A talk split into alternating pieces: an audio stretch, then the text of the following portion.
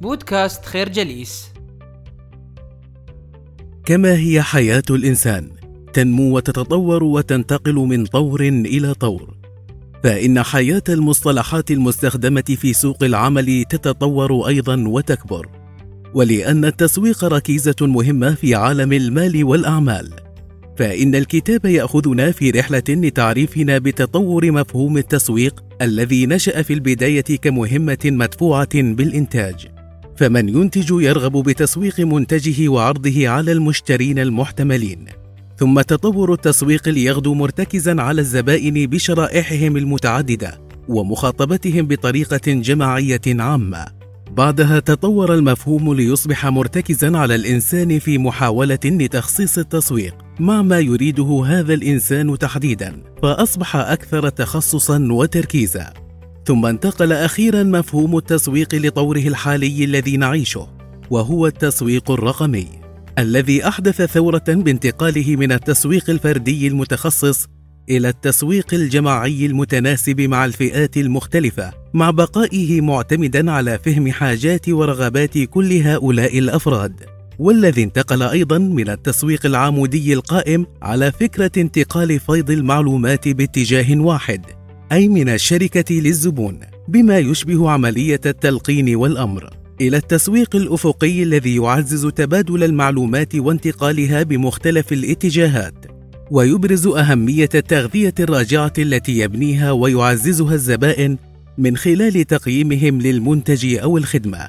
وهو القائم أيضا على سرعة إيصال الرسائل التسويقية للزبون في إطار لن يتعدى الخمس ثوان. والتي تحكم فيما إذا استطاع الإعلان جذب اهتمام الزبون من عدمه على عكس التسويق التقليدي الذي كان باستطاعته أن يوصل رسالته من خلال الدعايات والإعلانات التي تتجاوز خمس دقائق أحيانا. الفكرة تطور مفهوم التسويق عبر الزمن وانتقل من كونه فردي وعمودي وحصري إلى جماعي وأفقي وشامل. من المنطقي أن توجه جهود التسويق إلى أكثر الفئات التي ستشتري المنتج أو الخدمة. ولكن من هي هذه الفئات؟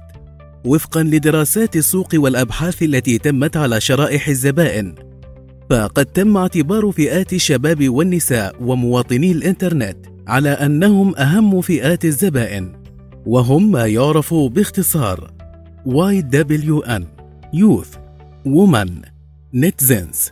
فالشباب هم الفئة التي تشكل التعداد السكاني الأكبر في العالم.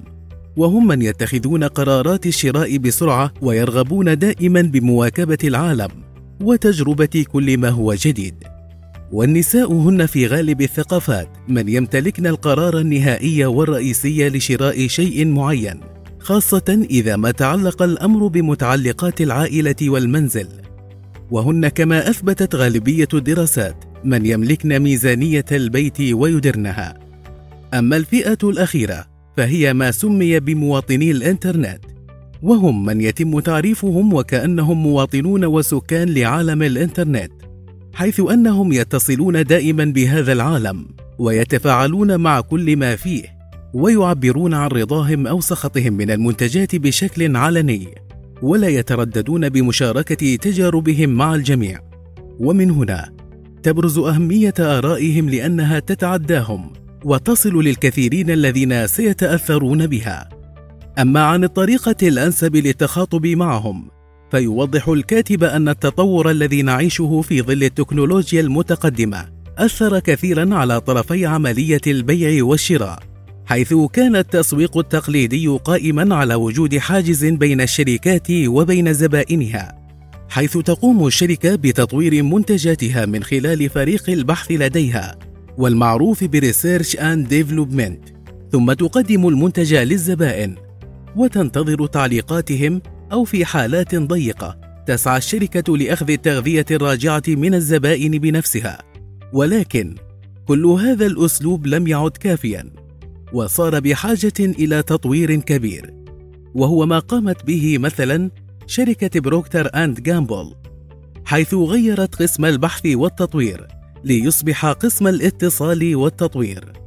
Connect Plus Develop وهو ما يعني أن الاتصال المباشر والدائم مع الزبائن يتيح للشركة فهم رغباتهم بصورة مسبقة مما يمكنها من تصنيع وإنتاج ما يريدونه. وهو ما يزيد من فعالية العملية ويزيد عوامل نجاحها الفكرة الشباب والنساء ومواطني الإنترنت هم أهم فئات الزبائن ويلعب الاتصال المباشر بينهم وبين الشركة دور مهم وكبير في تحديد نجاحها أو فشلها.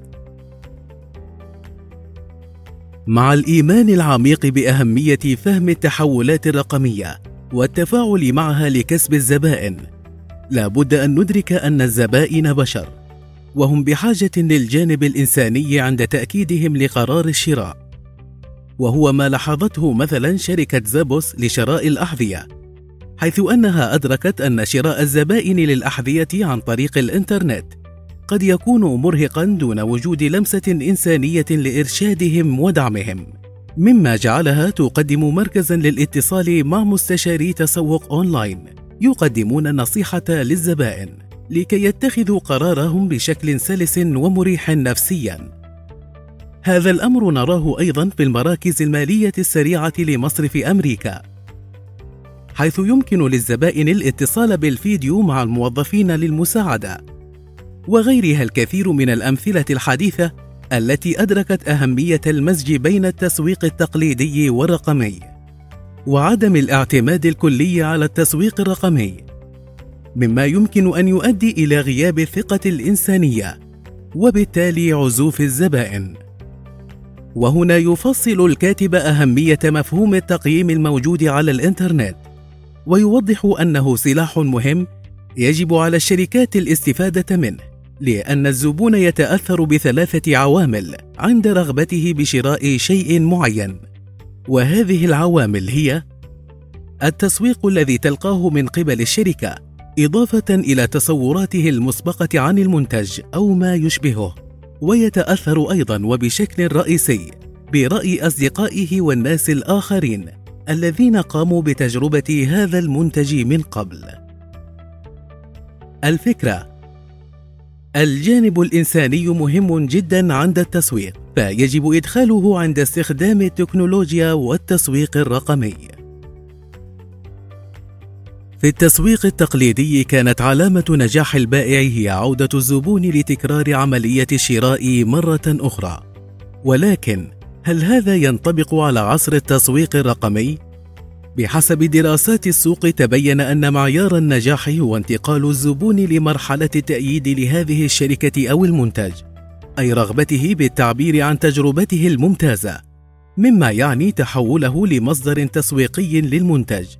وذلك من خلال مبدأ التقييم وتشجيع محيطه على تجربة المنتج وهو ما يعرف بانتقال المسار للزبون من مرحلة A4S إلى A5S وهنا تبرز أهمية التقييمات حتى السلبية منها. فكما يوضح الكاتب بأن التقييم السلبي قد يكون محفزا لظهور التقييم الإيجابي.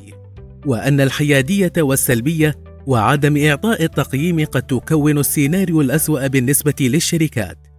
وكل هذا يفسر حرص الشركات حاليا على حث الزبائن لنشر تقييماتهم عن المنتجات بشتى الطرق. والتي قد تصل أحيانا لطلب التقييم مقابل خصم أو ميزات إضافية.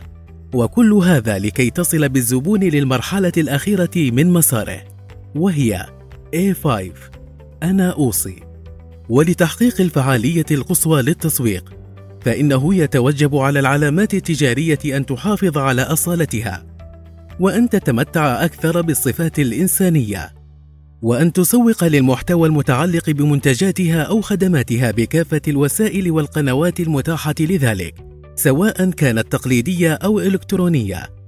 وفي السياق ذاته يفضل أن تستخدم الشركات أحدث الأساليب لذلك وهو نظام التلعيب gamification المتمثل ببرامج الولاء ومجتمعات الزبائن. ومن أهم الأمثلة على برامج الولاء ما تقوم به شركات الطيران من إعطاء امتيازات للمسافرين على متنها بحيث تزداد كلما كان ولاؤهم للشركة أكبر. أما أبرز الأمثلة على مجتمعات الزبائن فهو TripAdvisor الذي يبني مجتمعا كاملا للمستخدمين ويتيح ميزات الولاء والاتصال الدائم لمعرفة التقييمات والنصائح المتعلقة بالسفر وتجارب الآخرين